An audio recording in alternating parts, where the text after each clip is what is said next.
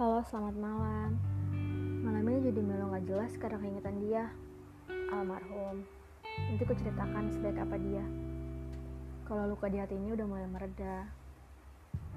Sekarang aku cuma butuh didengar sebenarnya. Karena curhat ke manusia selalu hamba rasanya.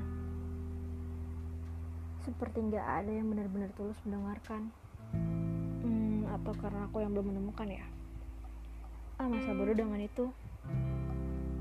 Setiap harinya, selama di remaja, harusnya semakin paham gak sih sebenarnya diri sendiri tuh maunya apa?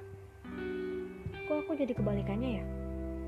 Jadi seperti terombang ambing gak punya tujuan. Bingung, kadang marah sendiri sama keadaan. Kesel, takut, gak tahu harus apa. Tapi di kepala tuh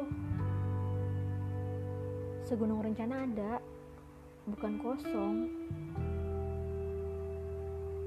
Tapi hati dan raga kayak yang gak mau bangkit gitu deh. Gimana ya caranya menutup luka dengan perban sendiri? Biar tahu serapat apa tutupnya. Butuh tambahan obat merah atau enggak? Apa butuh bantuan orang lain juga kah?